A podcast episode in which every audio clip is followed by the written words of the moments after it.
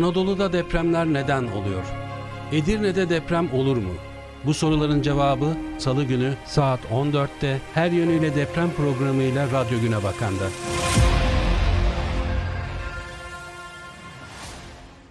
Trakya Üniversitesi Radyosu Radyo Güne Bakan'da her yönüyle deprem programıyla sizlerle birlikteyiz.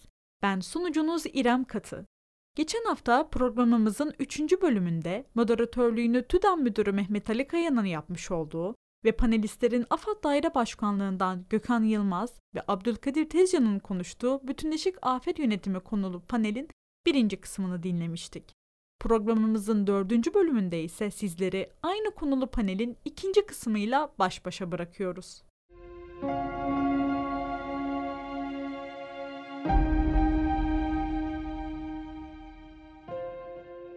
Hazır bu tatbikatlardan söz açmışken depremden sonra bizler de bu öneride çok yoğun bir şekilde bulunuyoruz. Yani insan beyni reflekse çok yatkın. Bilmediği konularda deprem oluyor, vücut kendisini koruyacak. İlk koşullarını yerine resip kapılar, pencereler, merdiven. Biz asla böyle bir şey istemiyoruz. E, dolayısıyla bu tatbikatların, deprem tatbikatlarının yaygınlaştırılması, periyodik olarak daha sık aralıklarla tekrarlanması konusunda ne dersiniz? Şöyle, geçen sene tatbikat yılı ilan etmiştik ve çok fazla tatbikat yaptık. Hatırlarsanız tüm ülke genelinde de birçok kapan tutun tatbikatı yaptık. Ya bunu bile sadece eleştirisel gözle bakıp bu ya ne oldu çok kapan tutunda olay mı olur falan filan diye bunu eleştirmeye çalıştılar. Arkadaşlar bir şeyin farkında olmak, farkındalık yaratmak bile çok önemli. Ve tüm Türkiye'de 80 milyonu, 86 milyon tamamıyla bir tatbikat gerçekleştiriyorsunuz ki bunu Japonya, Amerika daha önceden de yapıyorlar. Her yıl onların düzenli bu tatbikatları var. Ve biz ilk defa yaptığımız bir şeyde çök kapan tutun eğer binanız sağlam değilse çök kapan tutun diye bir iş yapmanızın bir faydası yok arkadaşlar. Binanız sağlamsa sizi ikincil öğelerden yani sallanan o asma tavanlar, tabelalar, üstünüze düşecek dolaplar bunlardan korumak için yapılan bir tatbik. Çöken binada kusura bakmayın sadece ve sadece mucizelere kalmıştır işiniz. Bina çökmemesi gerekir. Çökmeyen binalarda oturmamız gerekir. Biz oturup çök kapan tutunu bina çökmeyecek. Yani yapısal olmayan unsurlardan sizi korumak için tavsiye ettiğimiz bir yöntem. Çöken binalardan kurtulmanız için yapmanız gereken bir tatbikat değil. Burada tatbikatların avantajı şu oluyor. İşte onu da mesela sembolik yapmayalım diye özellikle söylüyoruz. Tatbikat hata görme yeridir. Çok iyi tatbikat iyi bir şey değildir arkadaşlar. Yani tatbikatımız çok başarılı geçti. Başarılı geçen tatbikat güzel bir tatbikat değil. Başarısızlıklar olacak ki biz onları işte düzelteceğiz. Yani o tatbikatta göreceğiz o hataları. Mesela her şeyi düzenli yapan şöyle bir şey oluyor. Ee, okulun birinde hocalar işte afetle ilgili her yıl sirenler çalıyor. Çocuklar sirenler çaldıktan sonra sıraların altında eğiliyorlar. Siren sesleri geçtikten sonra sarsıntıda durdu diyor. Hocalar durdu dedikten sonra çocuklar yavaş yavaş sıraya geçiyorlar. Sırayla okuldan hızlı bir şekilde dışarı çıkıyorlar kafalarını tutarak. Bu bizim yıllardır yaptığımız afet olursa çocuklara öğrettiğimiz tatbikat şekli. Hocalar diyor ki ya hep dersteyken yapıyoruz bu siren çalma işini. Bir de teneffüsteyken yapalım diyorlar. Çocuklar teneffüste dışarıda oynuyorlar. Sirenler çalıyor. Sirenler çalınca çocuklar ne yapıyorlar? Tekrar içeri giriyorlar. İçeride sıraların yanına çöküyorlar. Çok kapan tutun hareketini tekrarlıyorlar. Daha sonra yine sırayla düzenle dışarı çıkıyorlar. Yani eğitim ve öğretim arasındaki o fark işte anlatım farkı. Yani çocuğun güvenli ortamını aslında anlatmak gerekiyor arkadaşlar. Yani sen şöyle güvendesin, sen şöyle güvendesin. Yoksa sembolik hareketler sadece semboller içerdiği için yani öğreticiliği olmuyor, bir faydası olmuyor. Orada mantığını verebilmek lazım. Neden bu hareketi yapıyoruz ve neyden korunmak için bunu yapıyoruz? Yoksa doğru sorularla karşı karşıya kalmıyorsunuz. İşte böyle garipliklerle denk geliyoruz ki çocuklar çok masum ve çok doğru bir yani sen onun mantığını anlatmadığın için doğrusunu yapmış. Yani girmiş içeri haklı o çünkü sıra yanında çökecekti yani. Tamam mı? Siz onun mantığını anlatmalıydınız ki çocuklar dışarıda beklemeliydi. Hiç de içeri gireceğim diye uğraşmamalıydı. Bizim için önemli olan bu tatbikatların her birinde arkadaşlar afetle ilgileniyorsanız veya afete duyarlılığınız varsa her şeye karşı duyarlılık hissedeceksiniz. Yani sayılar, kapılar, çıkış kapıları, acil kapılar dışarı mı açılıyor, kapı yönlerinin önemi, Tamam mı? Yani kapılar dışarı açılmalı. Bu iş sağlığı iş güvenliğinde şimdi son dönemde bütün binalarda öngörülüyor. Halbuki altında çok büyük bir mantık var. Yani öyle bir televizyonda bir görüntü vardı. İşte acilen çıkmaya çalışıyorlar. Kapı içeri doğru açılıyor. Herkes kapının önüne yığılıyor. Kapı açılmıyor. Ve herkes kapının önünde ölüyor. Niye? E kapı dışarı açılacaktı işte. Yani durdurmayacaktı kimseyi. Bunların her biri yapısal olan olmayan önlemlerin her birini tatbikatlarla görebiliriz. Tatbikat ederek görebiliriz. Aldığımız eğitimlerin faydasını orada görebiliriz. O nedenle bizim için tatbikat önemsediğimiz ve e, yıllara sahip de bütün illerimizde uyguladığımız bir konu. Dediğim gibi yani söylemeden geçemeyeceğim. Biz arkadaşlar plan seven bir millet değiliz. Yani fıtratımızı da yatsımamak lazım. Biz aksiyon sever bir milletiz. Yani aksiyon işi bizim işimiz. O yüzden bu tarz planlar, işte teorik şeyler, işte biz böyle ders dinlerken falan filan çok böyle şey adamlar değiliz yani oturup tek tek ders çalışalım, bunun işte kitabını yazalım. Sırbistan'a gittik. Sırbistan'da Avrupa işte su tahliyesi yapılacak. Avrupalılar bu arada arkadaşlar sel falan görmezler ha. Sel Türkiye'deki sel seldir. Avrupa'daki su yükselmesidir. Su bulduğu yerde yükselir. Ona sel diyorlar bunlar. Neyse onun işte tatbikatına gittik. Birçok Avrupa ülkesi var. Üç gün tatbikat, iki günü teorik anlatım, bir günü uygulama. Bizim çocuklara döndüm dedim ki bizim işte arama kurtarma ekiplerimize. Çocuklar ne anlatacağınız? Başkan ne anlatacağız dedi. Gidip yapacağız dedi. İki dakikalık iş bizim için dedi. Öyle değil çocuklar. Bak adamlar anlatmaya başlıyor. Adamlar saatlerce anlatıyor. Böyle Macar ekipleri işte Fransızlar bilmem ne hepsi bir anlatıyor. Pompayı şöyle kurarız. Gücü kapasitesi bu burası böyle olunca şöyle olur falan filan. Tamam hepsi çok güzel anlattı. Ertesi gün işte son gün tatbikat yapılacak. En iyi e, su boşaltımını bizim ekip yapıyor. Niye? E biz icraat seviyoruz. Biz aksiyon seviyoruz. Bu işin adamlar gitseniz şu 6 Şubat'ın herhalde ansiklopediler dolusu kitabını yazarlar. Videolar var ya. Yeminle söylüyorum STK'ları falan rica ederek hazırlattırıyorum. Arkadaşlar ne olur bak o günleri gelecek nesillere aktarmak için videolar çekelim. O yaptığınız faaliyetleri ne olur gelecek nesillerimize aktaralım. Çünkü bir daha onlar bu acı tecrübeleri yaşamasın. Bunları aktarmak için gerçekten yayınlar yapalım. İşte filmler çekelim. Bunları çünkü aktaralım. Burada ne yaptıydık? Biz üniversite olarak hangi faaliyet? Bunların hepsini tekrar tekrar yayınlayıp sunalım. Çünkü bu büyük bir afetti. Yüzyılın felaketiydi. Bu felaketin aldığımız tecrübeleri, oradaki deneyimlerimizi hepsini gelecek nesillere aktaralım. Öğrensinler ve bir daha olmasın, yaşanmasın bu. Bu yüzden çok önemli arkadaşlar. Biz Giresun Dereli'de sel yaşadık. Hemen ertesi sene evlerini teslim ettik adamlara. Hızlı hızlı. Almanya'da aynı dönemde sel oldu. Aynı süreçte bir sene sonra Almanya'ya gittim. Almanya'da dedim ki nedir durum? Hala selin içerisinde kaybolan iş makineleri duruyor derin yatağında. Diyorum ki e işte zaten o e, hasar gören yapılar falan filan daha yavaş yavaş temizlik yapacaklar. Yani bırakın yenisini yapmayı temizlik yapacaklar. Diyorum ki niye? Vallahi bizde diyor 7-8 sene sürer bu iş diyor. 7-8 sene sonra anca diyor burayı toparlayacağız. Ve turizm yeri ha. Yani oteller var. Biz hızlı iş yapıyoruz eyvallah. Ama tecrübeye de dair anılar bırakmamız lazım. O tecrübeyi gelecek nesillerimize deneyim olarak aktarmamız lazım. O yüzden bu deneyimleri de özellikle bu akademik camia sizlerin çok kıymetli eserleri bizim için çok önemli. O yüzden ne kadar çok bu konuda eser verilirse, ne kadar çok yayın yapılırsa bizim için çok büyük kıymeti var bilginiz olsun. Yani tüm Türkiye'de bütün üniversitelerimizde buna ait yayınlar olmalı ve biz bunları takip etmeliyiz.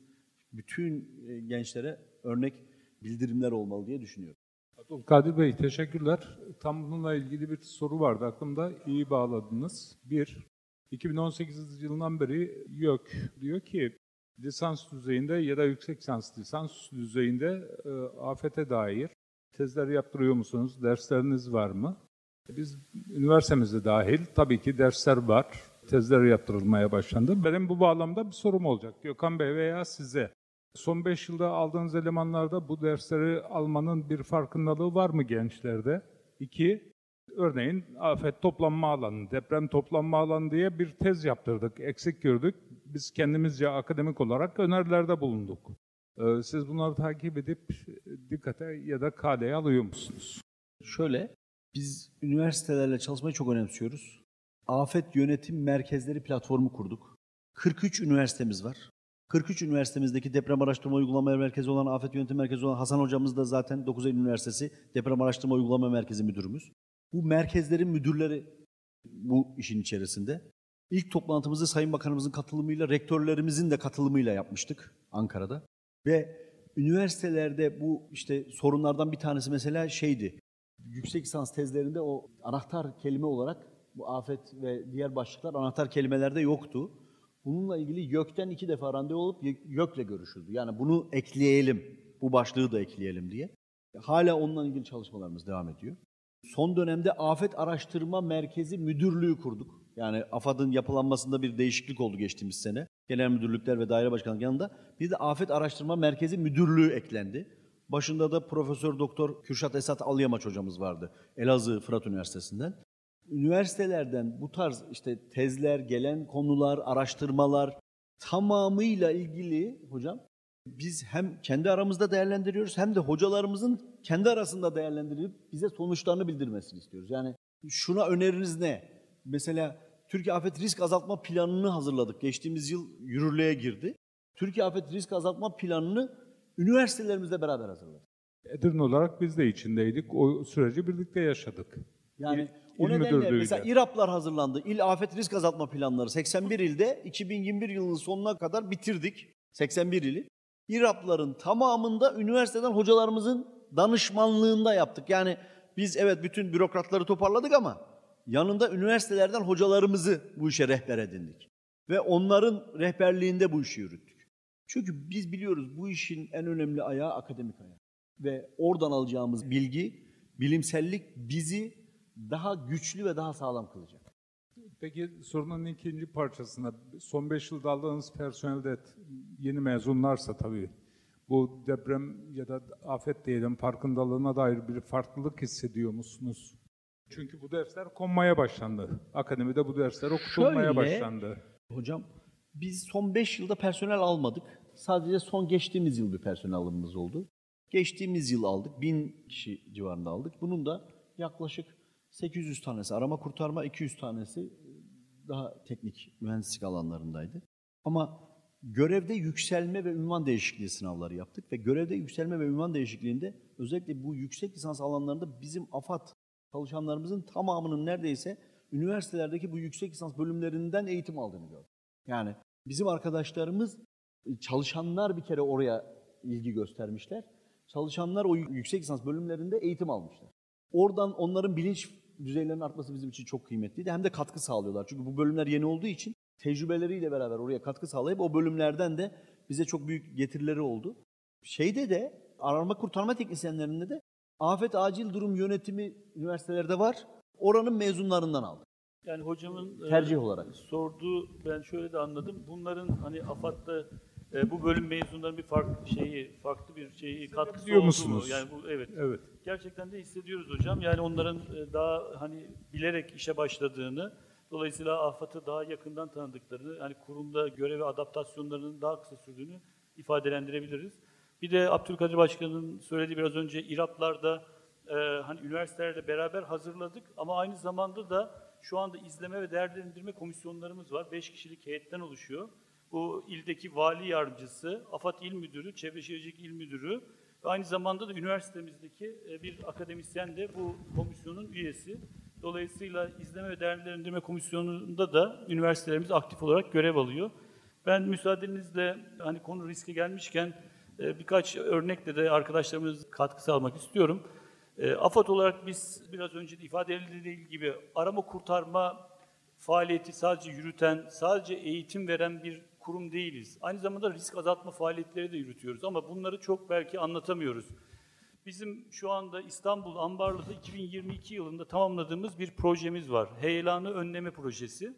Arkadaşlar biz eğer orada 2022 yılında bu projeyi gerçekleştirmemiş olsaydık 50 bina 913 tane bağımsız birim heyelandan etkilenecek, tahliye edilip belki o binalar yıkılacaktı. Ama biz orada 53 milyonluk bir yatırım yaptık. Kazıklı tutucu yaptık. 700'ün üzerinde kazık imal ettik orada ve 50 binayı e, afet riskini büyük ölçüde azalttık. Biz eğer o önlemi yapmamış olsaydık belki orada bir heyelan olacaktı. Ondan sonra birkaç tane insanımız, belki birkaç bina yıkılacaktı. Onlarca insanımız belki vefat edecekti. Biz ondan sonra onları kurtarmak için arama kurtarma gönderecektik. Ve arama kurtarma personellerimiz oradan bir kişiyi kurtardığında, iki kişiyi kurtardığında kahraman olacaktı. Yani asıl kahramanlık benim arkadaşlar o duruma gelmeyecek şekilde işimizi düzgün, ahlaklı ve kurallarına uygun, bilimine uygun bir şekilde yapmaktan geçiyor. Aynı şekilde biz mesela bir örnek daha vereceğim. Yani e, biz sadece dediğim gibi depremden dolayı tedbir ve önlem almıyoruz. Aynı zamanda heyelan, kaya düşmesi, obru konularını da araştırıyoruz. Aynı zamanda teknolojik afetler, endüstriyel kazalara yönelik de AFAD olarak neler yapılabileceğini araştırıyoruz. Oradaki risk azaltma yönelik faaliyetler yürütüyoruz. Bizim şu anda iş sürekliliği planları kılavuzunu hazırladık ve Sanayi Bakanlığı ile bir ortaklaşa protokol yaptık. Şimdi organize sanayi bölgelerimizin afetlerden etkilenmemesi için bu iş sürekli planları yapmasını sağlayacağız. Bir örnek vereceğim. İstanbul'da yanılmıyorsam 5.8 depreminden sonraydı. Orada hiçbir bina yıkılmadı ama biz sanayimizdeki çok değerli bir makina bu sarsıntıdan dolayı kullanılamaz hale geldi. Makine zarar gördü. Halbuki o depremden önce o firma işte yaklaşık 22 bin liralık bir aparat kullanmış olsaydı, makinesini sabitlemiş olsaydı 10 milyonluk bir makineyi kurtarmış olacaktı. Hem de aynı zamanda da iş sürekliliğine temas ettim arkadaşlar. Biz sadece tabii insanların hayatını kurtaracağız, binalarımız yıkılmamasını sağlayacağız ama ekonomimizin de aynı zamanda da ayakta kalmasını sağlamak zorundayız. Hayat ekonomiyle dönüyor. Dolayısıyla bu anlamda işletmelerin de afetlerden mümkün olduğu kadar az etkilenmesini sağlamak zorundayız. O anlamda iş sürekli planları bu anlamda çok önemli. O firma hem 10 milyonluk bir makineden oldu ve de o makineyi temin edip tekrar yerine getirene kadar da belki haftalarca iş yapamadı. Bu anlamda yani risk azaltma faaliyetlerinin müdahaleden çok daha önemli olduğunu ve aslında kurum ve kuruluşlar olarak bizlerin dikkatimizi ve yoğunluğumuzu e, risk azaltmaya yönlendirmemiz gerektiğini bir kere daha burada hatırlatmak istiyorum kıymetli hocam. Sağ olun Gökhan Bey. E, Bu bölümde bir değerli gencimiz e, özellikle el kaldırıyor. Lütfen siz hanımefendi. Öncelikle hoş geldiniz. Ben Acil Yardım ve Afet Yönetimi Keşan Hakkı Yörük Sağlık Meslek Yüksek Okulu'ndan Yağmur. Bu bölümü aslında severek geldim ama benim birkaç tane sorum olacak. Öncelikle basın ve yayın organlarında halk afadı e, eksik gördü. Peki sizce eksik miydi ve nerelerde eksikti? Sadece halk ya da basın değil, benim AFAD'da birkaç tane arkadaşlarım da bunu eksik gördüklerini söylediler. Bu birinci sorum. İkinci sorumda TOKİ'nin inşa ettiği konutlarda ciddi bir zarar görülmezken Antakya'daki AFAD binasının çökmesi ya da TOKİ'nin yaptığı hastane örneğinde olduğu gibi kamu binalarının çökmesi sorgulanmalı mıdır? Teşekkür ederim. Sorum bu kadar. Dezenformasyonla mücadele önemli arkadaşlar. Biz dezenformasyonla mücadele için Afet İletişim Grubu'nu kurduk. Türkiye Afet Müdahale Planı'nda Afet İletişim Grubu yoktu. Ve sırf bu dezenformasyondan kaynaklı Afet İletişim Grubu'nu kurduk. Hatay AFAD İl Binası'na gittiniz mi? Gördünüz mü? Yıkılmadı, ayakta. Yıkılan ne? Yıkılan ne? 112'nin o arkadaki, evet, bina ayaktaydı değil mi abi? Hayır, biz de orada çalıştık. Ben de oradaydım da o yüzden. Şimdi arkadaşlar dezenformasyonun ne kadar kötü bir şey olduğunu gördünüz mü? Bir bina yıkıldı zannediliyor. Yıkılmadı. Aklınızda bulunsun. Bir şeyleri evet duyabilirsiniz. Evet olabilir de yani bunun için insanlar olabilir ama sizler bilimde uğraşan veya afet acil durumda bunları teyit etmelisiniz. AFAD'dan arkadaşlarımız var ya, onlar da hepsi Hatay'daydı. Sorabilirsiniz arkadaşlar Hatay binasındaydınız. Siz yıkılan binada nasıl çalıştınız? Yıkık binayı tekrar ne zaman ayağa kaldırdığınızda çalıştınız diye sorabilirsiniz. Çok rahat olur. İki, ilk sorunuzu Gökhan Bey sen istersen cevapla. Ee, Şimdi bizim AFAD Başkanımızın çok e, önemli bir sözü var. Diyor ki afet zaten kendi içinde, kavramı içinde eksiklikleri barındırır. Dolayısıyla böyle büyük bir afette eksiklikler yaşanmamasını beklemek zaten akla ve mantığa aykırı bir şey. Bu şu anda bizim yaşamış olduğumuz deprem kayıtlı deprem tarihi açısından hocamın uzmanlık alanı özür dileyerek e, hani ifade etmek istiyorum. E, Böyle bir deprem yakın tarihte hiç görülmemiş. Yani bir gün içinde 7.7, 7.6, 6.5 büyüklüğünde 3 tane depremin görülmesi gerçekten hani çok sıra dışı bir olay, olağanüstü bir durum. Buna rağmen tabii ki 11 il etkilendi. Yaklaşık 15 milyon yakın bir nüfus bu afetten etkilendi. Dolayısıyla bu kadar geniş bir coğrafyada, bu kadar geniş bir etkilenen insana anında yani saniyesinde, saatinde müdahale etmek de mümkün değil. Dünyada hiçbir devlet bu kadar geniş bir alanda etkilenmiş bir coğrafyadaki bu kadar geniş nüfusa anında müdahale edebilmesi mümkün değildi. AFAD olarak biz biraz önce başkanımızın da ifade ettiği daha önceki tatbikatların, tam çalışmalarının yapılan toplantıların da faydasıyla aslında e, mümkün olduğu kadar hızlı bir şekilde hem arama kurtarma personellerini hem de kamunun oradaki görevli personellerini oraya yönlendirdik. Ama siz de kabul edersiniz ki biraz önce de söylediğim gibi o kadar çok fazla bina yıkıldı ki yani yıkılan bina sayısı 39 bin arkadaşlar enkaz. 39 bin bina enkaza dönüştü. Yani arama kurtarma yapılması gereken binaya dönüştü. Peki sizlerin de bildiği gibi bir binada ne kadarlık bir personelle, askeri personelle arama kurtarma yapabilirsin? Bir ekip 25 kişiden oluştuğunu kabul ettiğinizde, 8 saatlik vardiya ile çalıştığını düşündüğünüzde bir binada 75 kişi lazım. 39 bin, 40 bin binada 75 kişiyle çarpın 2 milyon kişi yapıyor. Dünyada bu kadar arama kurtarma personeli olan ve bunu da saatinde oraya intikal ettirecek hiçbir devlet yok. Biz yine gerçekten de, başkanım da gerçekten de çok büyük özverilerle ve vatandaşlarımızın e, destekleriyle herkes bir şekilde elinden geleni yaptı. O akut dönemi tabii ki yani eksikliklerimiz olmadığını söylemiyorum. Muhakkak ki var ama dediğim gibi bu gerçekler ışığında değerlendirmemiz lazım. Şimdi biz daha iyisini nasıl yapabiliriz diye de oradan ders çıkartmaya çalışıyoruz. Kendi içimizde AFAD Başkanlığı olarak da oturup konuşuyoruz.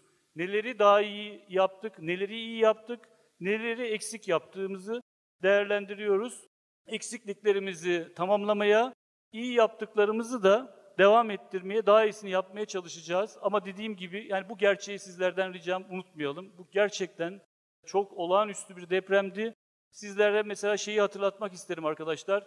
20 Ocak'ta 2020 yılında Elazığ'da bir deprem oldu. Orada da biliyorsunuz binalarımız yıkıldı.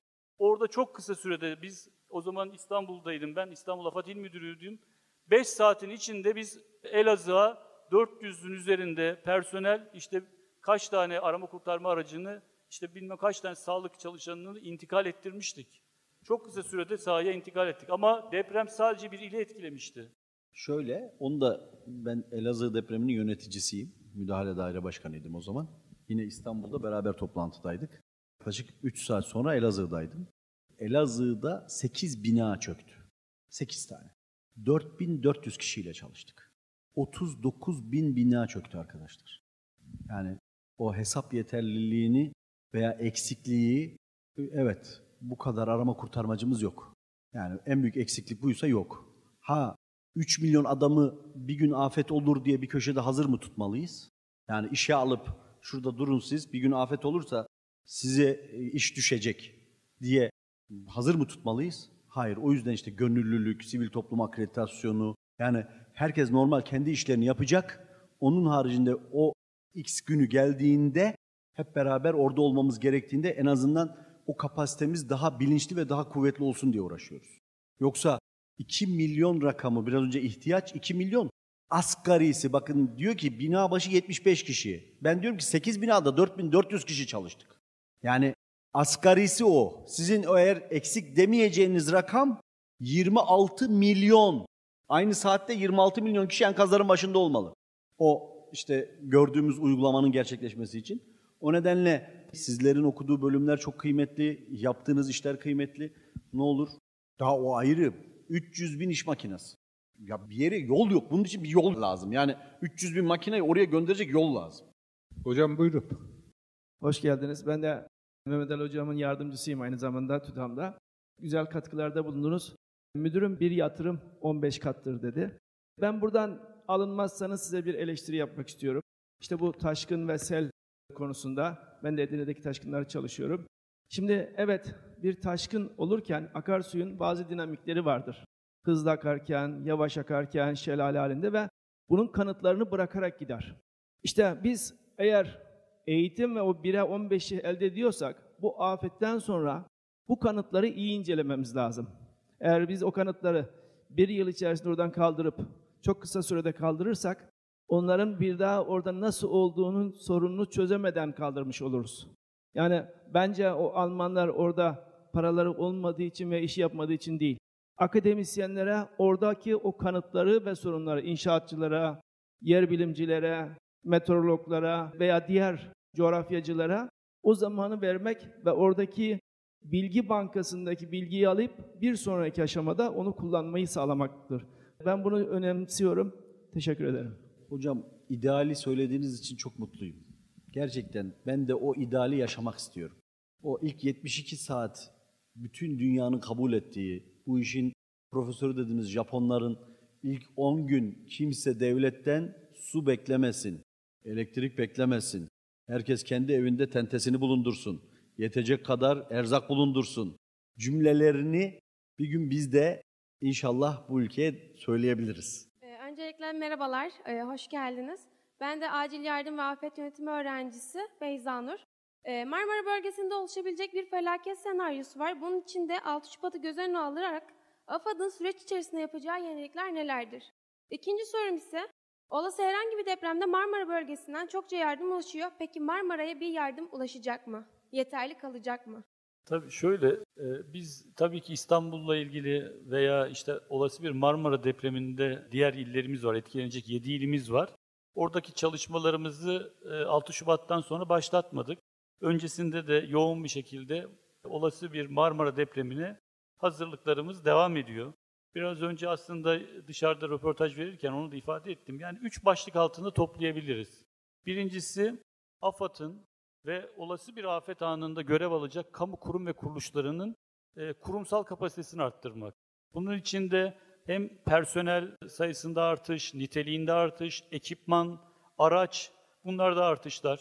İşte haberleşme imkanlarının, olanaklarının arttırılması, telsizinden tuttuğunda uydu telefonuna kadar, işte kamu binalarının sağlamlaştırılması, iyileştirilmesine kadar bütün bu anlamda kamu kurum ve kuruluşları olarak daha dirençli hale gelmek için çalışıyoruz ve bununla ilgili çalışmalar yürütülüyor. Özellikle İstanbul'da İstanbul Proje Koordinasyon Birimi diye e, kurulmuş bir yapı var. Bu sadece İstanbul'a özel kurulmuştur. Başka hiçbir ilimizde yok bu. Valilik altındaki bu kurum İstanbul'daki 99 öncesi yapılmış okul binalarının %94'ünü sağlamlaştırdı ya da yıkıp yeniden yaptı.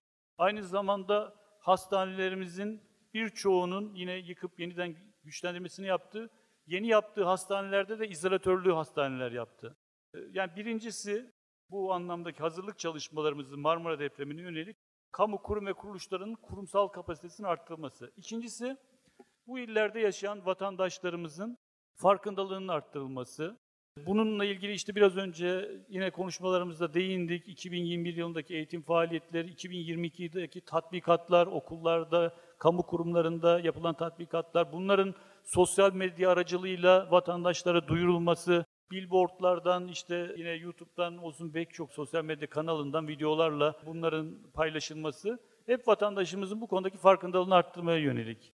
Aynı zamanda yine 2021 yılında yapılan önemli işlerden biri eğitim faaliyetleri. Üniversitelerimizde mesela afet kulüplerinin oluşturulması ile ilgili çalışmalar başlatıldı.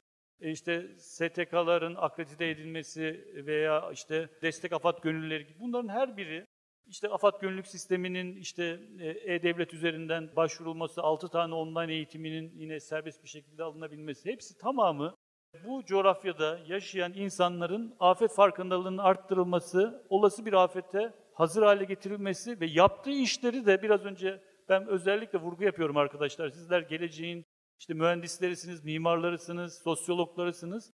Bu farkındalıkla işlerinizi yapıyor olmanız. Ancak o zaman biz dediğim gibi geleceği daha güvenli inşa edebiliriz. İkincisi de farkındalığı yüksek bir toplum. Üçüncüsü de dirençli şehirler. Onda da yine kamu kurumlarımız hizmetlerini, hizmet verdiği işte yollarını, viyadüklerini, köprülerini, binaların yenilenmesi, güçlendirilmesi, çevre şehirciliğin işte bu kentsel dönüşüme ağırlık vermesi, bu da şehirlerimizin yapı stoğunun ve altyapısının daha iyiye getirilmesi için çalışmalar. Ama kabul edersiniz ki 20 milyonun üzerinde 27 milyonun etkileyeceği bir coğrafyadan bahsediyorsunuz. Çok önemli bir nokta tabii Marmara bölgesi diyoruz. Çünkü biliyoruz ki Marmara depremi biraz önce hocam söyledi. 7 il etkilenecek. İstanbul, Kocaeli, Tekirdağ, Yalova, Sakarya, Bursa, kısmen Balıkesir, belki de işte Tekirdağ'dan başka Edirne bile kısmen etkilenebilecek. Yani dolayısıyla böyle bir coğrafyadaki yaşayan insanların da mümkün olduğu kadar dediğim gibi bilinçlendirilmesi ve artık şehirlerimizi e, güvenli hale getirmemiz lazım. Ama bu kentsel dönüşüm süreci biraz önce de bahsettiğimiz gibi sadece binaları yıkıp yeniden yapmak değil arkadaşlar. Onun bir sosyal boyutu var.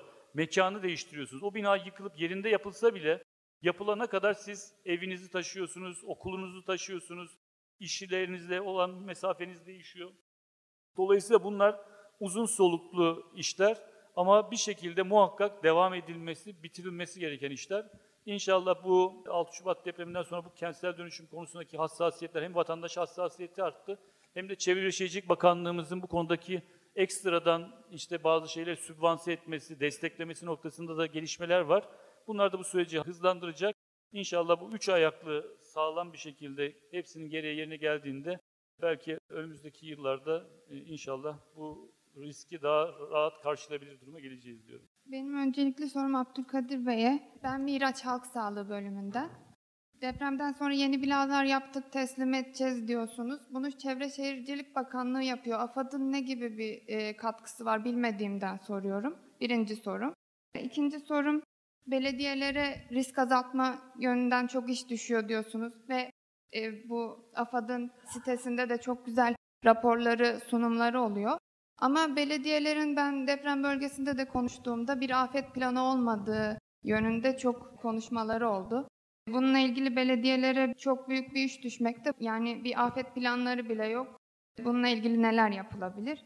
Aynı zamanda tam planlarında destek iller de depremzede oldu. Yetişemediler. Bununla ilgili tam planlarını değiştirmeyi ve geliştirmeyi düşünüyor musunuz? İlk sorundan başlayayım. İlk soruyu bir daha bir söyler misin? İlk soru şeydi, yaptığınız yani şu an deprem bölgesinde yapılan Tamam deprem binalar... bölgesinde yaptığımız konutları neden biz yapıyoruz dedim. Biz afet iyileştirmesi de bizde. Afet bölgelerinin iyileştirmesi de bizde. TOKİ bizim müteahhitimiz. Çevre Şehircilik bizim oradaki işlerimizi biz parasını biz veriyoruz. Bütün para AFAD'dan gidiyor. O nedenle biz yapıyoruz. Yani bizim afet öncesi olduğu gibi afet sonrası mesela belediyelerin burada afet olunca altyapısı zarar gördü kanalı veya şeyi. Onun parasını da biz veriyoruz. O nedenle yani orada belediye yapıyor gözükebilir ama parası bizden gidiyor. Yani biz devlet böyle bir görev vermiş. Afet sonrası iyileştirme faaliyetlerinin bütçesi bizden gittiği için bu faaliyetlerin hepsi bizim faaliyetlerimiz. O yüzden de aynı zamanda nereye yapacağıyla ilgili tutun, nasıl yapması gerektiğine kadar da hepsinde söz sahibiyiz. Yani burayı niye seçtin? Buranın jeolojik durumu, işte oradaki zemin seçilmesi, doğru alanın seçilmesine kadar AFAD hak sahibine kadar yani kime o konut verilecek onu dahil AFAD belirliyor. O nedenle burada bir görevimiz var. Üçüncü soruya cevaplayayım, ikinci soruyu size bırakayım. Üçüncü soru sevdiğim soru. Arkadaşlar destek iller belirlemişiz. Muhtemelen Edirne ili içinde Tekirdağ'ı belirlemişizdir. Kırklareli'ni belirlemişizdir. İstanbul'u belirlemişizdir. Efendim afet olunca bunlar da afetzede oluyor. Değil mi? Yani bu destek iller TAMP'ta var. Arkadaşlar orada sorunumuz yine aynı. Afetler dört seviye. Birinci seviyede il, valisi başkanlığında ilinde meydana gelen afetin etkilerini bertaraf eder. Bu birincisi. Seviye ikiye geldiğimizde il, o size belirlediğimiz destek illerin katkısıyla, bölge illeri diyoruz biz bunlara, bölge illerinin katkısıyla afetin etkilerini bertaraf eder. İlin kendi kapasitesi yetmez, bölge illerinden aldığı destekle çözer. Üçüncü seviye dediğimiz afette, afet artık ilin, bölge illerinin desteği falan filan yetmez. Tüm ülke kapasitesinin devreye girmesi gerekir ve bütün ülke o bölgeye desteğe gider. Ve başkanlıktaki afet yönetim merkezi devreye girer. Dördüncü seviyede ise artık ilin, bölgenin, ülkenin uluslararası kapasitesi de yeterli değildir ve bütün dünyaya çağrıda bulunursunuz. Bizim ülkemize yardıma gelebilirsiniz diye. Bu afet 45. dakikada dördüncü seviyeye çekilmiş bir afet. Şimdi destek illeri anladın mı? Yani destek il diye bir şey yok orada. Dördüncü seviyeye geldiğimiz için artık o bir ve ikinci seviyede destek iller doğru iller. Hali hazırda da değiştirmeyi düşünmüyoruz. Niye? Hali hazırda zaten bana en yakın iller bana destek olabilir. Ama dördüncü seviyeye çıkan bir afet de artık bölge illerin falan filan desteğe yetmediği için tüm ulusal ve uluslararası kapasite zaten devreye giriyor ve yönetim o bölge illerinden gelen destekle değil, merkezden gelecek desteklerle çözülüyor. O nedenle inşallah soruna cevap olmuştur. Ee, bir şey daha ekleyeceğim. Şimdi tam planlarında birinci destekliler, ikinci destekliler var anlattığınız şekilde birinci seviye, ikinci seviye. Ama mesela bir koordinasyonsuzluk olmuyor mu? Mesela bir dördüncü seviye afet için tam planında işte Sakarya'dan işte Hatay'a gitsin, Edirne'den ne bileyim Kahramanmaraş'a gitsin gibi daha kapsamlı bir şey hazırlanmış olsa Var. ben göremedim. İşte o sizde yok. Çünkü senin bilmen gereken kadarı ilinde. Mesela İstanbul için ilçe bazlı var. Her ilçeye hangi ilin gideceği belli. Şimdi bunların her biri çalışılıyor ve açık söyleyeyim biraz önce başkanımız da söyledi. Biz her ilden sonra o TAMP'taki ilgili kurum, kuruluş, çözüm ortakları hocalarımızla tekrar toplanıp aldığımız dersler ve neyi düzeltmemiz gerekiyor, nereyi yapmamız gerekiyor bunu kayıt altına alıyoruz. Bir şey yanlış anlaşılıyor yine onu da söyleyeyim. Biz AFAD olarak hiçbir afeti çözemeyiz. AFAD koordinasyon kuruluşu. Bakın afetin yönetimini bile diyorum ki size ilde birinci seviye bir afette bile vali başkanlığında yönetilir diyor. Aslında afet yönetmek devlet yönetmek. Afeti yönetecek kişiler devleti yöneten kişilerle aynı kişilerdir. AFAD sadece koordinasyon yapar.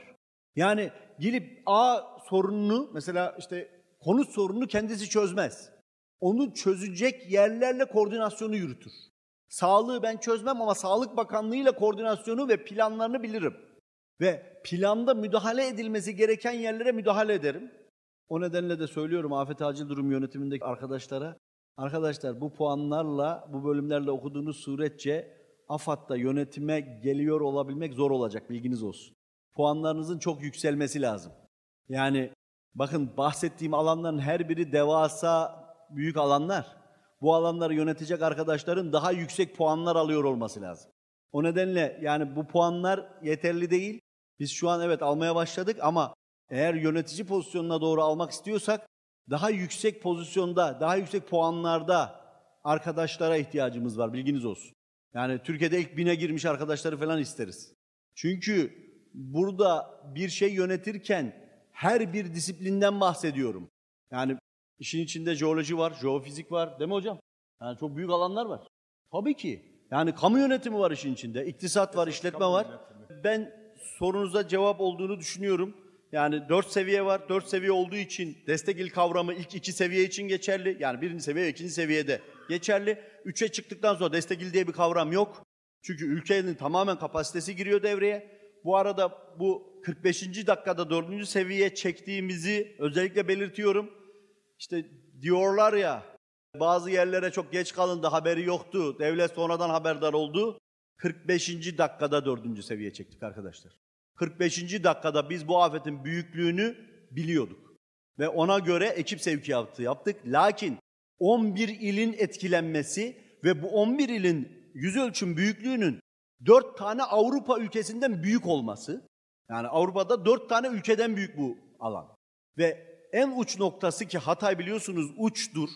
Oraya varana kadar birçok aracın yolunun çevrildiğini biliyoruz. Yani bizim arama kurtarma aracı veya acil yardım araçlarının önünü silahlarla çevirdiklerini biliyoruz insanların. Ne olur benim enkazıma gel diye. Haklı adam da yani o da kendi derdinde. Ama bunu bilin yani alan çok geniş. Öyle noktasal bir yere gidilmiş değil, bir yere geç kalınmış falan filan değil. Geç kalıyor cümlesi şudur. Burada oturursunuz, aylakçılık yaparsınız boş boş. Öbür tarafta millet feryat figan içerisindedir. Geç kalırsınız. Biz o gün toplam şu an 7 bin mi olduk? 7 bin personelin 7 bini de sahadaydı. Ve ilk saatten itibaren hiçbir kişi gitmemezlik yapmadı. Hala da sahadayız. Hala şu an 2000'e yakın personelimiz sahada vatandaşların hak sahipliğini bitirmek için uğraşıyor. Yani o yüzden bir şeye geç kalmak için bir yerde oyalanmak lazım.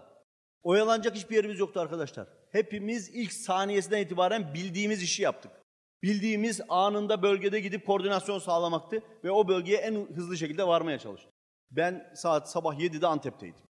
Yani 4-17 deprem. Ben 7'de Antep'teydim, Ankara'da yaşıyorum. Hoş geldiniz. Edirne Arama Kurtarma Derneği Başkanı Serhat Ceylan. 23 yıldır bu bölgede faaliyet gösteriyoruz. Van depreminden tutun Maraş'a kadar çalıştık. Edirne adına gereken her şeyi yaptık. Birçok canlar kurtardık. Bu bölgede de AFAD ekipleriyle güzel koordineli çalışmalar yaptık. Özellikle nehir taşkınlarında. Şimdi e, asıl konuya gelelim. Önümüzde beklenen büyük bir Marmara depremi var. Ve ben bu konuda Edirne'nin e, çok stratejik bir konumda olduğunu düşünüyorum. Özellikle Avrupa'dan gelen yardımların yönlendirilmesi, buradan donanımlı arama kurtarma ekiplerinin arkadaşların da bahsettiği gibi İstanbul'a ulaşması. Tabii ki çok büyük bir coğrafya. Yani sizin söylediğiniz rakamlar olursa tabii ki en az Maraş depreminde yaşadığımız kadar belki daha büyük bir felaketle de karşı karşıya kalabiliriz. Bu bölgede sivil toplum örgütlerinin daha koordineli hale getirilmesi, yapılandırılması, gönüllülerin teşvik edilmesiyle ilgili çalışmalarınız olacak mı? İkinci sorum, yine böyle bir afet durumunda bir rezerv alan yaratmayı düşünüyor musunuz bu bölgede? Altyapısı bitmiş bir şekilde. Edirne Arama Kurtarma bir sivil toplum daire başkanı olarak seni görmekten çok mutluyum abi. Ama kıyafetlerini de görürsem daha iyi olur.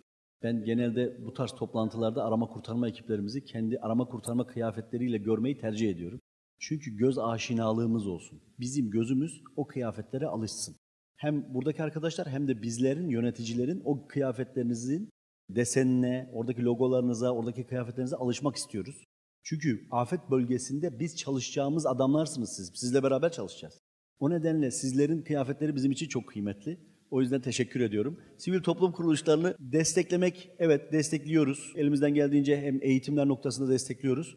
Burada tüm Türkiye genelindeki bütün sivil toplum kuruluşlarıyla toplantı yapmış bir kardeşiniz olarak söylüyorum. Yani bütün bölgelerdeki arama kurtarma yapıyorum diyen sivil toplum kuruluşlarının tamamıyla toplantılar yaptık. Belki İstanbul'daki toplantımıza siz de katılmışsınızdır. İstanbul'da bir bölge toplantısı yapmıştık.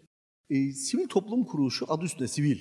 Sivil organizasyonları evet desteklemek istiyoruz ama bütün kurulumlarını veya bütün o ihtiyaçlarını kamu olarak biz karşılayalım istemiyoruz. Eğer ben tamamen kamu olarak karşılarsam yarın bir gün şuna dönecek. Ben varsam var, ben yoksam yoka dönecek. O yüzden 26 yıllık işte uzun bir geçmişiniz var. Hiçbirinde devlet desteğiyle falan filan da yapmadınız. Yani o nedenle ayakta kaldınız ve o yüzden sivil toplumsunuz. Biz sadece bu süreçte ihtiyacımızı gördük. Sizlere olan işte malzeme desteğimizi bilmem neler yapabilmemiz gerektiğini.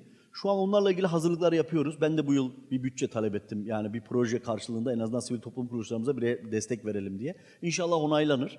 Ama bizim İçişleri Bakanlığı Sivil Toplum Genel Müdürlüğümüzün biliyorsunuz projeleri var. Onlara destek olmak istiyoruz. Oradan çok destek olmaya çalışıyoruz. Geçtiğimiz yıl 100 milyona yakın destek dağıttık oradan. Bunu da takip ederseniz sevinirim. Beni de aracı kılarsanız ona çok mutlu olurum. Yani başvurunuzu yaptığınız takip edilmesi noktasında ben aracı olmaktan da büyük mutluluk duyarım. İstanbul'da ne sordunuz abi? İstanbul'da ne hazırlıydı? Buraya rezerv alan, ha rezerv evet. alanlarla ilgili Gökhan Beygil isterseniz ona bir cevap versin. Barınma alanları, rezerv alanlar, onlarla ilgili çok ciddi çalışmalar yaptılar çünkü bu kadar Şimdi, hesaplamalara göre. Tabii ki olası bir afet sonrası insanların birçoğu evine girmek istemeyecek. Bir kısmı da zaten hasarlı olduğu için evine giremeyecek. Tabii İstanbul gibi çok hani 16 milyon üzerinde insanın yaşadığı bir şehirde de insanların belki de yüzde doksanı belki de yüzde yüzü ilk afet anında dışarı çıkacak. Bizim onları ilk 6 saatte buluşturacak ve kamu hizmetleriyle ilgili bilgilendirme yapacağımız toplanma alanları e, belirlendi. Fakat barınma anlamında düşündüğümüzde aslında AFAD'ın öncelikli barınma hizmeti vermeyi öngördüğü kesim orta ve ağır hasarlılarda yaşayan insanlar afetsedeler. Ama o kısa süreli acil barınma dediğimiz noktada ise işte ilk 6 saatin sonrasında belki ilk 3 gün evine girmemek durumlarında yani evi sağlam bile olmasa girmeyecek insanlara yönelik de tabii çadır alanları öngörüyoruz. Şimdi İstanbul'un tabii ki çok fazla nüfus, çok dar bir coğrafyada yaşıyor ve dolayısıyla bütün bunların hepsine e, İstanbul'da açık alanlarda barınma merkezleri oluşturmak çok mümkün değil. Yani şu andaki nüfusu ve coğrafyasının küçüklüğünden dolayı mümkün değil. Dolayısıyla bizim İstanbul'da öncelikli hedeflerimizden biri hem altyapısı hazır olması hem de güvenli yapıldığından emin olduğumuz kamu yapılarını, bunların içinde okullar var. Biraz önce İPKV dediğim proje kapsamında güçlendirilen okullar, yeni yapılmış otoparklar, kültür binalarının da barınma amaçlı olarak hizmete alınmasını öngörüyoruz. Burada yaklaşık 1 milyon 900 bin, 2 milyona yakın insanımızı biz uzunca bir süre bu okullarda ve şeylerde barındırabileceğiz. Onun dışında ihtiyaç olması durumunda vatandaşlarımızın bir kısmını da sizin de ifade ettiğiniz gibi çevre illerde destek illerde şey yapacağız, barındırmayı öngörüyoruz. Yani oralardaki barınma tesislerini faaliyete geçireceğiz. Bir başka nokta da şu, hem bu afette gördük hem 99 yılındaki afette hem de 2011'deki Van depreminde de görüldü. Bir afet olduktan sonra insanların büyük bir çoğu binalarının eğer hasarlı olduğunu görmüşse veya dediğim gibi korku paniğe kapılarak o ilden ayrılmayı öngörüyor. Bunu bu şeyde de gördük, yaşadık. Yaklaşık nüfusun %30'la %50'si arasındaki bir nüfus akut dönemi o şehirde yaşamak istemiyor. Dolayısıyla şehirden tahliye operasyonu gerçekleştiriliyor ama bu isteğe bağlı yani zorunlu bir tahliye değil, gönüllülüğe dayalı bir tahliye.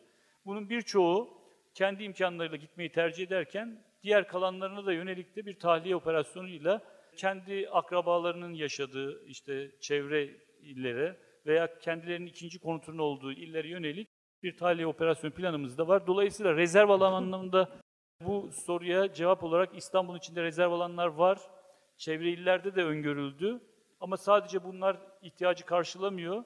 Onun dışında bahsetmiş olduğum sağlam olduğundan emin olduğumuz ve deprem sonrası hızlı bir şekilde hasar tespiti yaparak güvenli olduğundan emin olduğumuz binalarımızı da vatandaşlarımızın barınma hizmetini açacağız.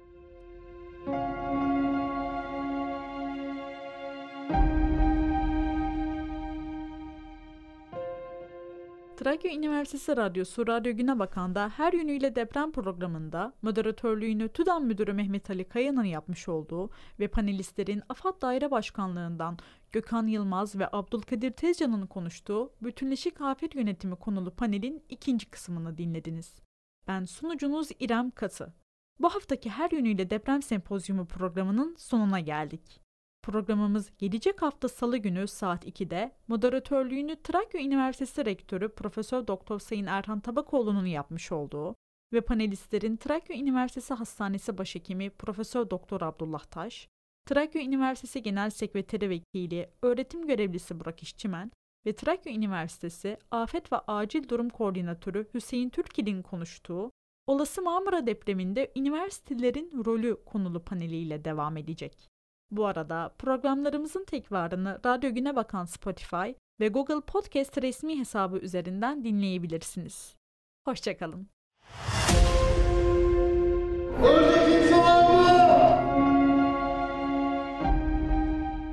Bir, iki, üç. Anadolu'da depremler neden oluyor? Edirne'de deprem olur mu? Bu soruların cevabı Salı günü saat 14'te her yönüyle deprem programıyla Radyo Güne Bakan'da.